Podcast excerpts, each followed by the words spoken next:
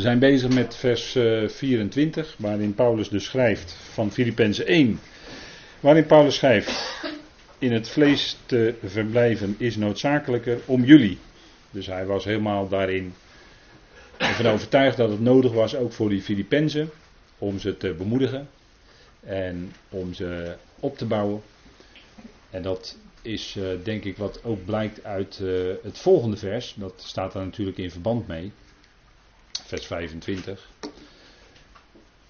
Daar zegt hij, en daarvan overtuigd weet ik dat ik zal blijven en bij jullie allen zal blijven tot jullie vooruitgang en vreugde van het geloof. Dus hij was ervan overtuigd, hè, door de omstandigheden waarin hij was, zag hij dat het nodig was dat hij nog uh, zou blijven en dat het nog zou duren. En ook was hij ervan overtuigd dat hij die Filippenzen nog zou, misschien zou mogen bezoeken. En bij jullie zal blijven tot jullie vooruitgang en vreugde van het geloof. Hè. Vooruitgang en vreugde. Hè, dat ze zouden toenemen in het geloof. En daar was kennelijk nog een stukje aanpassing voor nodig. Hè, we hebben dat uh, voor de pauze noemde dat even heel snel.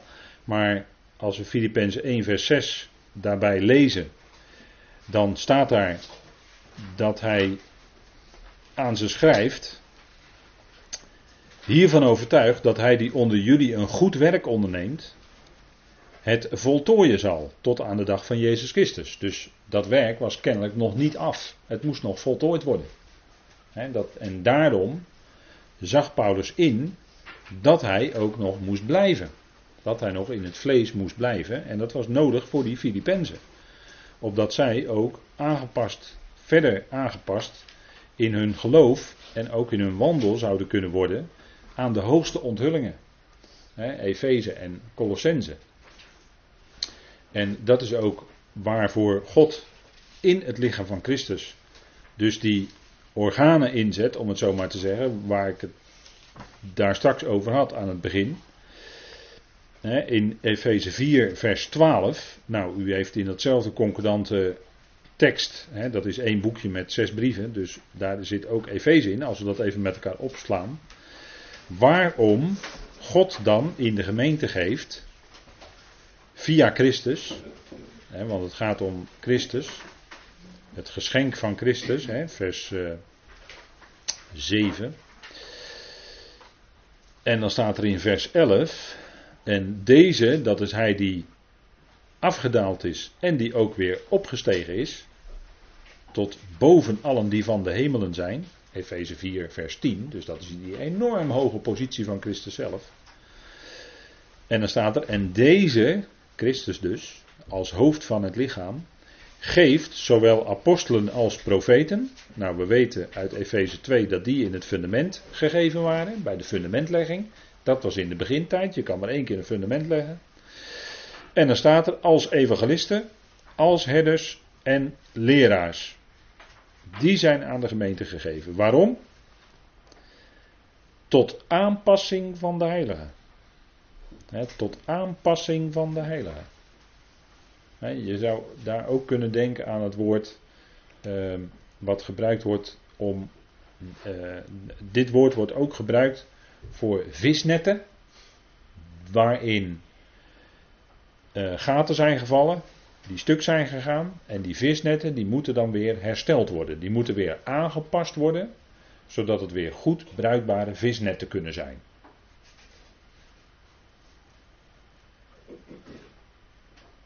Zo moeten de heiligen aangepast worden, zodat, zij hun, zodat hun geloof kan groeien tot volwassenheid. Want in, in dit stukje gaat het daarover, Efeze 4. Zodat hun geloof kan groeien en dat ze in geloof kunnen groeien tot volwassenheid, tot, een, tot de rijpheid enzovoort. En dat zij ook dienstwerk kunnen verrichten. Maar wel dienstwerk in overeenstemming met de hoogste onthullingen.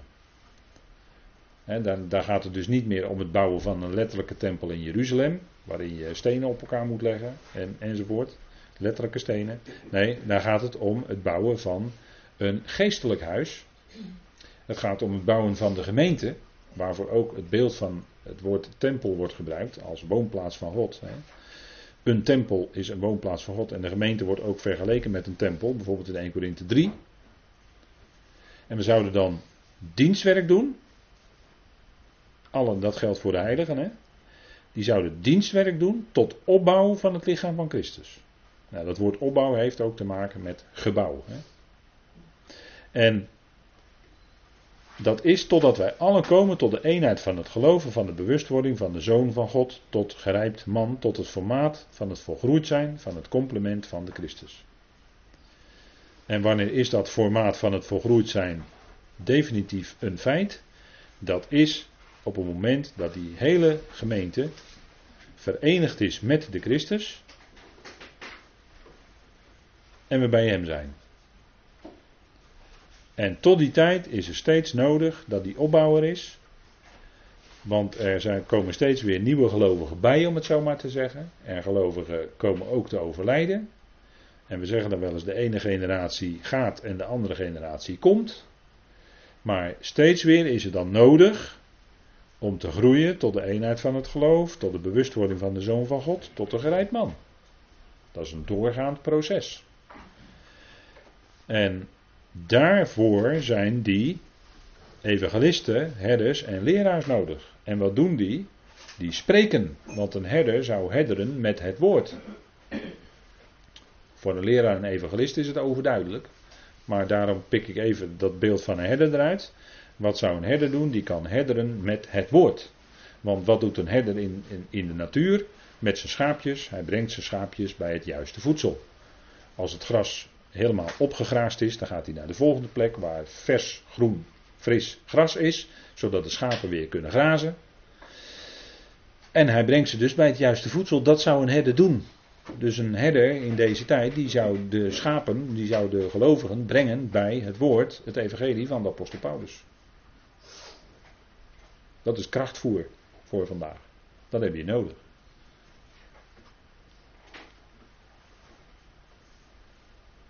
En dat zou geen mengvoeder zijn. maar je hebt krachtvoer nodig om te groeien tot volwassenheid. Eh, vermengen in de schrift eh, staat niet zo hoog op hoor, bij God. Israël moest al één soort zaad zaaien in de akker, weet u wel. Dat staat in de wet allemaal. Als we het nou over de wet met elkaar hebben. Hè. Eén soort zaad zaaien in de akker, niet twee tegelijk. Want dan gaat het tussen elkaar doorgroeien. En de een is hoger dan de ander, dus de ander stikt dan. Dat gaat er niet worden natuurlijk. Hè. Dat weet een boer ook wel. Hè. Of een landman, of een, hoe noem je zo iemand, agrariër tegenwoordig. Maar dat zou een herder doen. Die zou de schapen, die zou de gelovigen brengen bij het juiste voedsel. En dat voedsel ook daadwerkelijk verstrekken. En het niet tegenhouden. en een leraar zou dat ook doen. Die zou onderwijs geven met de principes van de schrift zelf. Onderwijs geven uit de schrift met de principes die door de schrift zelf worden aangegeven. En die vinden wij, dat heb ik in het eerste gedeelte aangegeven. Die vinden wij bijvoorbeeld in 2 Timotheus 2. Ongelooflijk belangrijk hè. Laten we toch maar even met elkaar lezen dan. 2 Timotheus 2. want Paulus die geeft dat door aan Timotheus. En Timotheus was natuurlijk ook iemand die leraar was. en die moest ook de gelovigen verder onderricht geven. Hij moest bijvoorbeeld bevelen en leren dat God een redder is van alle mensen dan ben je klaar hoor. God is de redder van alle mensen. Geen twijfel mogelijk. Zo is het gewoon. Dat is het. Dat, daar valt niet aan te tornen of zo. Maar dat is gewoon een uitspraak, een, een statement om te geloven. Daar ga je niet over discussiëren. Dat ga je, dat ga je, dat ga je geloven als gelovige. He? Beveel en leer dit, zegt Paulus tegen Timotheus. Nou, hij zegt nog meer tegen Timotheus. En dat, dat kun je goed ter harte nemen. Daar kun je veel van leren. 2 Timotheus 2 vers 15. Beijver je jezelf. Dus waar moest hij zich in beijveren? Zich beproefd voor God te stellen. Als een niet te beschamen werken. Die het woord van de waarheid recht snijdt. Dus die waarheid die moet op een juiste wijze gesneden worden. In woorden. En dan moet je laten staan voor een bepaalde tijd wat voor die tijd geldt. De wet van Mozes die was op Israël gelegd. Die werd bij Sinaï aan Israël gegeven. En die werd dus niet aan de gemeente gegeven. Die werd nooit op de gemeente gelegd. Onmogelijk. De wet werd aan Israël gegeven. Dan is die ook voor die tijd bedoeld. Dat is het oude verbond. En daarna komt dus een nieuw verbond. Anders kun je niet eens spreken over een oud. Dan moet er een nieuw komen. Hè? Er wordt gesproken over een nieuw verbond. En vanaf dat moment is het oude bezig al te verdwijnen. Maar dat was allemaal aan Israël gegeven. En ook dat nieuwe verbond, dat staat er toch. Dat aan het huis van Israël, aan het huis van Juda, Jeremia 31, zal dat nieuwe verbond gegeven worden. Dan moet je het ook voor die tijd laten staan. Dat is voor de toekomst, dat is voor Israël. Dat is niet voor ons. zo op die wijze het woord van de waarheid recht snijden. En wat is bedoeld voor deze tijd? Dat is het, dat is het evangelie wat Paulus brengt, de brieven van Paulus. Die zouden klinken in deze tijd in de oren van de gelovigen als een waarheid die op hen van toepassing is. Daar kun je niet mee marchanderen, daar kun je niet mee sjoemelen, dat kun je niet versjaggeren. Dat gebeurt allemaal wel, maar dat zou Timotheus niet doen. En dan is hij niet te beschamen werker. Wanneer? Bij de Bema natuurlijk. Bij de Bema. Als je zo hebt gewerkt met het woord, dan zul je bij de Bema niet beschaamd staan, Timotheus. En dat is natuurlijk van fundamenteel belang. Hè? En dan in vers 16 sta echter afzijdig van het onheilig leeg gezwets, wat tot steeds meer oneerbiedigheid zullen zij voortgaan. En wie waren dat? Nou, bijvoorbeeld Hymenaeus en Philetus, want die zeiden dat de opstanding al had plaatsgevonden. En dat er dus in de toekomst geen opstanding meer was. En zo verplaatste zij de waarheid van de opstanding naar de verkeerde tijd, naar het verleden namelijk, terwijl het nog toekomst is. Dus het staat erbij wat het inhoudt. Hè? Je moet een waarheid voor, die voor een bepaalde tijd geldt ook laten staan voor die tijd. Doe je het niet, dan kom je dus tot, kennelijk tot, wat hier staat, tot onheilig, leeg gezwets. Dan kan het wel heel mooi klinken en zelfs heel vroom, maar dan is het toch leeg uiteindelijk. Want het bouwt niet, het voedt niet. Dus als je het door elkaar gaat halen, dan heb je geen krachtvoer, maar dan heb je mengvoer. En wat je werkelijk in je leven echt kracht geeft, is het evangelie wat Paulus mag verkondigen. En dat zouden we dan ook doordragen als, als uh, en, en iedere groep gelovigen zou dat doen. En zo bewaar je dat woord. bewaar het aan jou toevertrouwde. Hè? 2 Timotheus 1 vers 14 staat het. Hè? 2 Timotheus 1 vers 14. Hè? Bewaak. En daarin zit natuurlijk ook het bewaren tegelijkertijd. Bewaak het ideale toevertrouwde door Heilige Geest die in ons woont. Dat geldt, geldt, niet alleen voor Timotheus, maar dat geldt ook voor ons persoonlijk als gelovigen. Bewaak het ideale toevertrouwde. Wat heb je ontvangen? Nou, bewaak dat. Hoe? Door Heilige Geest die in ons woont. Dat wil zeggen, leren is ook herhalen. Dat is een van de fundamentele lessen van didactiek. Hè? Leren doe je door herhalen. En daarom zeggen we ook van, nou, Romeinenbrief hebben we twee keer behandeld. Efezebrief hebben we twee keer behandeld in, in de gemeente. Galatenbrief hebben we twee keer behandeld. Is dat overdone? Is dat te veel? Wel nee, helemaal niet. Je moet herhalen. Door herhalen leer je hoor. En leer je steeds dieper. want de tweede keer gelaten brief ging veel dieper dan de eerste keer. Dat is de verdieping die God geeft. En daar mogen we blij en dankbaar om zijn. En, maar dan hou je het ook beter vast als je het herhaalt. En, en dan, dan wordt je geloof vast gefundeerd. Dan wordt je geloof vast in dat woord. En, en dat is van ongelooflijk belang, van ongelooflijk belang. En, en uh, uh, het ideale toevertrouwde, nou wat is dat? Vers 13 staat er gewoon bij, hè? 2 Timotheüs 1 vers 13 staat er gewoon bij. Houd een patroon van gezonde woorden aan. Wat zijn gezonde woorden?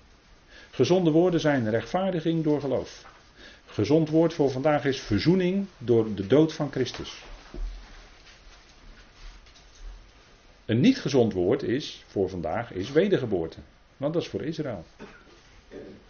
Dat is voor de toekomst een gezond woord als Israël wedergeboren wordt. Vandaag de dag is het geen gezond woord, want voor ons geldt niet wedergeboorte, maar wij zijn een nieuwe schepping in Christus. Dat is een gezond woord. Die woorden hebben we van de apostel Paulus geleerd. Dat zijn gezonde woorden en daardoor houd je een gezond geloof. En dat is het ideale toevertrouwde en dat zouden we ook bewaken. dat is een heel sterk woord hoor, dat bewaken. Die je van mij hoort, staat er nog eens een keer bij, hè? dat hoef ik eigenlijk niet meer te zeggen nu. Die je van mij hoort, Timotheus. En vult u uw eigen naam maar in, hè? In geloof en liefde in Christus Jezus, alsjeblieft. Dat zijn uh, fundamentele zaken. En die woorden hebben we ook nodig, zodat we daardoor aangepast worden. En die Filippenzen moesten ook aangepast worden in hun geloof en in hun wandel. Want als zij niet zouden weten van een hemelse roeping, dan zou hun wandel er anders uitzien. Dan zouden ze nog met veel dingen aan de aarde gekluisterd zitten. Op welke manier dan ook. Hè? Maar als je weet hebt van een hemelse roeping, een hemelse toekomst, een hemelse bediening, dat je daadwerkelijk in de toekomst te midden van de hemelingen zult zijn en dus niet op aarde, dat beïnvloedt wel degelijk je wandel van vandaag. Maar als jij niets weet van je hemelse roeping straks, dan heb je een andere wandel vandaag dan dat je hebt wanneer je wel weet van je hemelse roeping, wanneer je wel weet dat het je toekomst is. En zo word je aangepast in je wandel.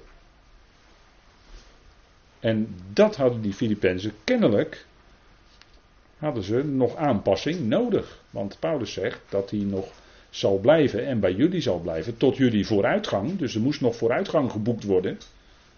je kunt nooit zeggen als gelovige van we weten alles al. Oeh, dat is een gevaarlijk hoor. Dat is een hele gevaarlijke. We weten alles al. Nee, nee, oh, oh, nee, nee. Nooit hè. Tot aan de bezuin kun je nooit zeggen, we weten alles al. Kun je niet zeggen. Mogen kennis hebben van het evangelie, zeker. Maar alles al weten? Nee, nee, nee. Tot jullie vooruitgang. Er is steeds nog vooruitgang te boeken. Er is steeds nog verder verdieping mogelijk, natuurlijk.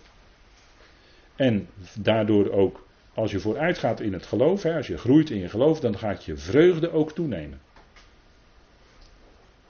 omdat je steeds meer bewust wordt, ja Heer, het is niet ik, maar het is uw genade. En daar word je blij van. En dat blijf je ook. Want genade sluit nu eenmaal alle eigen werken uit. Ook in je dagelijkse wandel als gelovige hoor, dat is niet jouw eigen werk. Want dan ben jij het heel, zelf, heel erg zelf aan het proberen. En dat gaat hem niet worden, hè? dat gaat hem niet worden. Dan word je krampachtig. Dan, word je, hè, dan, dan, dan ga je in allerlei krampen ga je leven.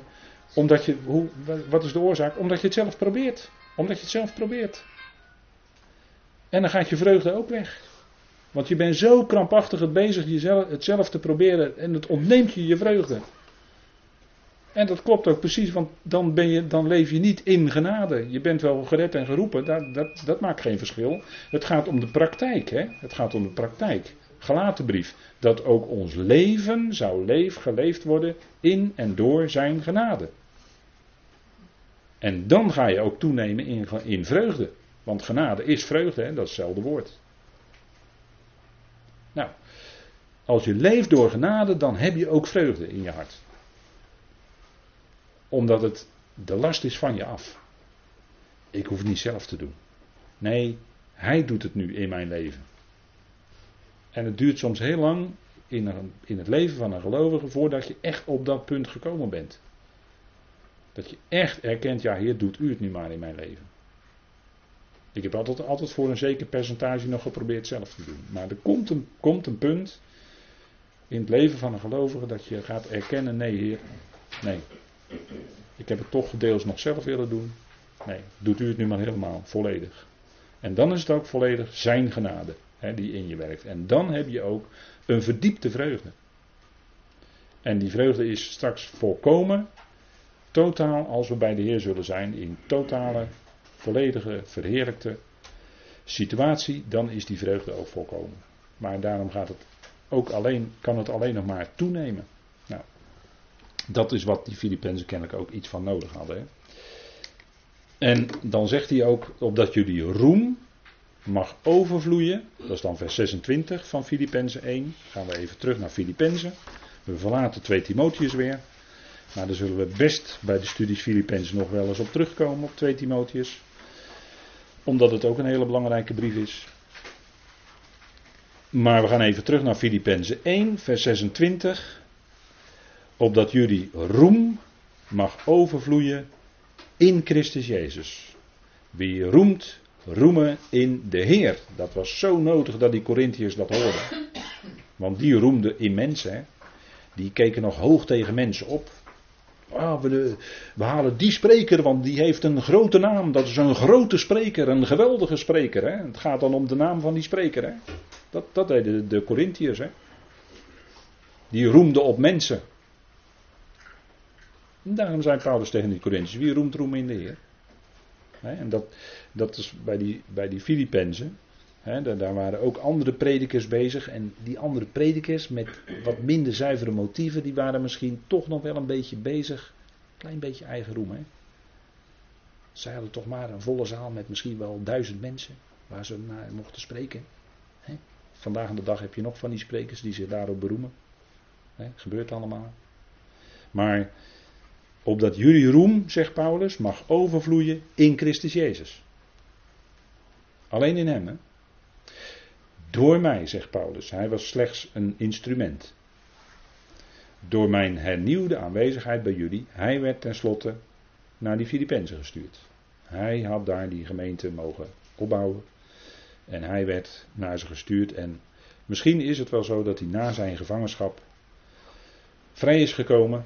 En dat hij opnieuw in Filippi is geweest. Dat is misschien wel zo. Een, eh, een goede uitlegger die memoreert dat Paulus in Kreta was geweest.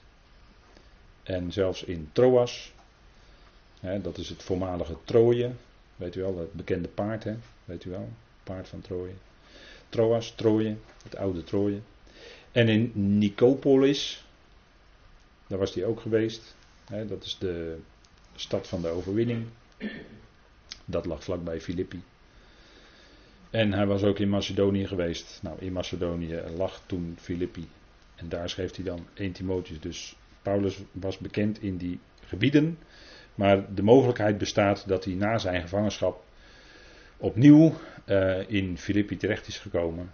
Hè, hernieuwde aanwezigheid. En dat zou dan zijn om ze verder te kunnen aanpassen aan wat hij van de Heer heeft mogen ontvangen. Aan waarheid. Aan verdere waarheid, aan verdere inzicht om ze te kunnen aanpassen in hun geloven dat ze dan daarin zouden groeien. Want aanpassing is nu eenmaal nodig, dat lazen wij in uh, Efeze 4 vers 12. Hè, tot aanpassing van de heiligen. Nou, wij hebben ook voortdurend aanpassing nodig. We, we, zijn er nog niet, ook wij hebben aanpassing nodig. Om te komen tot die eenheid van het geloof. En, de eenheid van het geloof is dat je, dat je gaat zien, hé, hey, dat zegt de schrift. En dat, dat geloof ik. Dat geloven wij, dat geloof ik. Hè? De eenheid van het geloof. En, en dan zeg je, ja, hoe is het mogelijk? Er is zoveel verdeeldheid onder de gelovigen.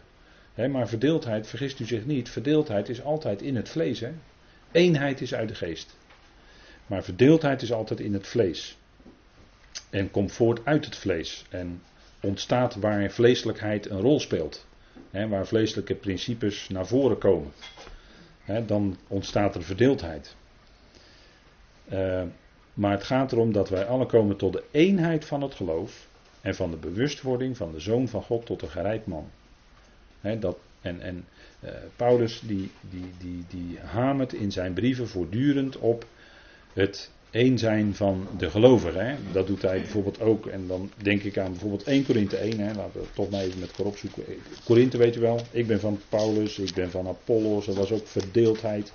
Jullie zijn nog vleeselijk, zegt Paulus tegen ze in 1 Korinthe 3. Hè? Dan leven jullie nog naar de mens. Als jullie zeggen ik ben van die, ik ben van die, ik ben van die. Dan ben je nog onmondig, dan ben je nog vleeselijk. Hè? Onder groepjes die, elkaar, die, uh, die in dezelfde samenkomst zitten, verschillende groepen. Gebeurt al, gebeurde allemaal bij de Corinthiërs, weet u wel. En daarom zegt Paulus in 1 Korinthe 1 vers 10. Maar ik roep jullie ertoe op, broeders, door de naam van onze Heer Jezus Christus dat jullie allen eensgezind zijn in jullie spreken. En je kunt dat ook vertalen dat jullie allen hetzelfde zeggen. Hé. Hey. Hey. Dat jullie allen hetzelfde zeggen.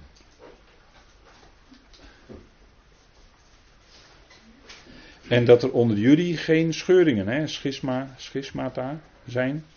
Hè, geen scheuringen, dus dat duidt dus op verdeeldheid. Maar dat jullie hecht aan één gesmeed zijn. Eén van denken, hè, dat duidt op gezindheid. Hè, één van denken en één van gevoelen. Eén van gezindheid. Gezindheid vanuit die eenheid van de geest. Maar in Korinthe was die verdeeldheid er. En dat was omdat ze vleeselijke principes volgden. Dus het vlees en je feiten volgden. Eigenlijk de wereld. Hè. Ze waren net eender als de wereld bezig. De kabinet, kabinetsformaties mislukken.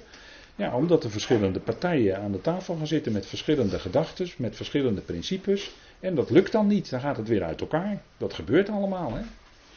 En, en uh, dat, dat, dat, daarin signaleer je dan een stukje verdeeldheid. Omdat er kennelijk geen eensgezindheid is. Omdat kennelijk die politieke partijen niet allemaal hetzelfde zeggen. En dan gaat het weer uit elkaar.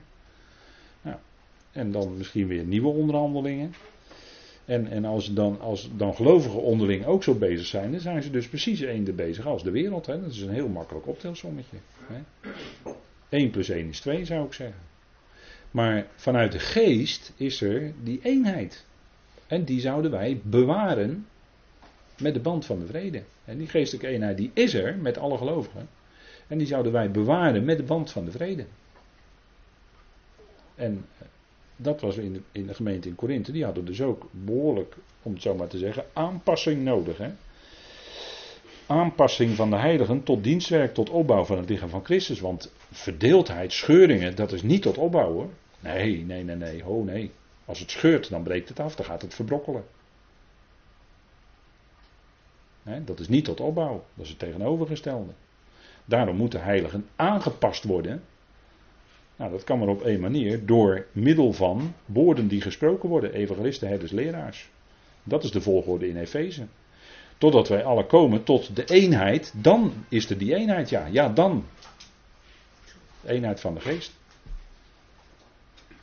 En dan groeien we ook toe naar iets van het complement van de Christus. Hè. Dat is dat hele lichaam van Christus, dat is het complement van de Christus. Dat maakt hem compleet straks naar de bazuin. En, en daar zouden wij nu al naartoe groeien en nu al zo leven. Hè, dat we alles doen om zo die eenheid tot uitdrukking te brengen. Nou, dat is, dat is ongelooflijk belangrijk. Hè? En daarom was Paulus kennelijk nodig, ook bij die Filippenzen, want daar zullen we nog wel op komen, dat Paulus toch nog zegt in hoofdstuk 2, was heel fijn hoor, die Filippenzen, hele fijne gemeente. Maar Paulus moest toch nog in hoofdstuk 2 zeggen: Maak dan mijn vreugde compleet. Dus er ontbrak toch kennelijk nog iets. Maar daar komen we nog op in de toekomst. Dus dat zijn dingen die we, die we dan meenemen. Maar denk erom dat Efeze 4 heel fundamenteel is daarin. voor, voor aanpassing in de praktijk van de gelovigen. Dat is nodig. en zo zouden we daar goed acht op slaan.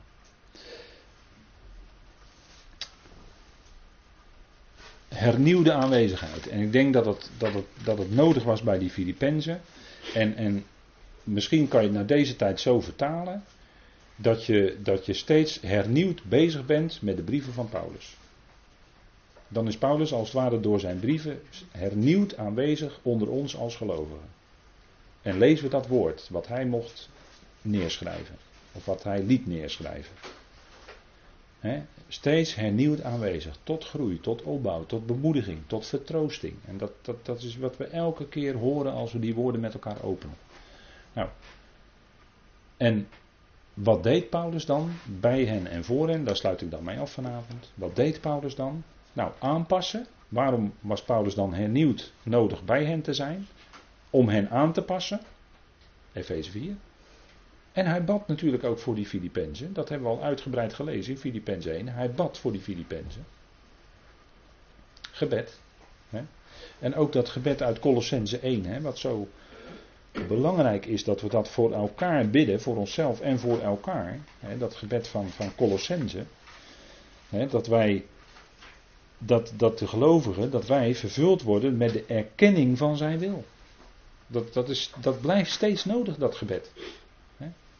Gebed is sowieso fundamenteel voor een gelovige, dagelijks. maar dit meebidden met Paulus, dat we vervuld worden met de erkenning van zijn wil. Niet alleen de verstandelijke kennis van nemen, nee, erkenning wil zeggen, ook in je hart die wil erkennen. Vader, niet mijn wil, maar uw wil. Dat is erkenning.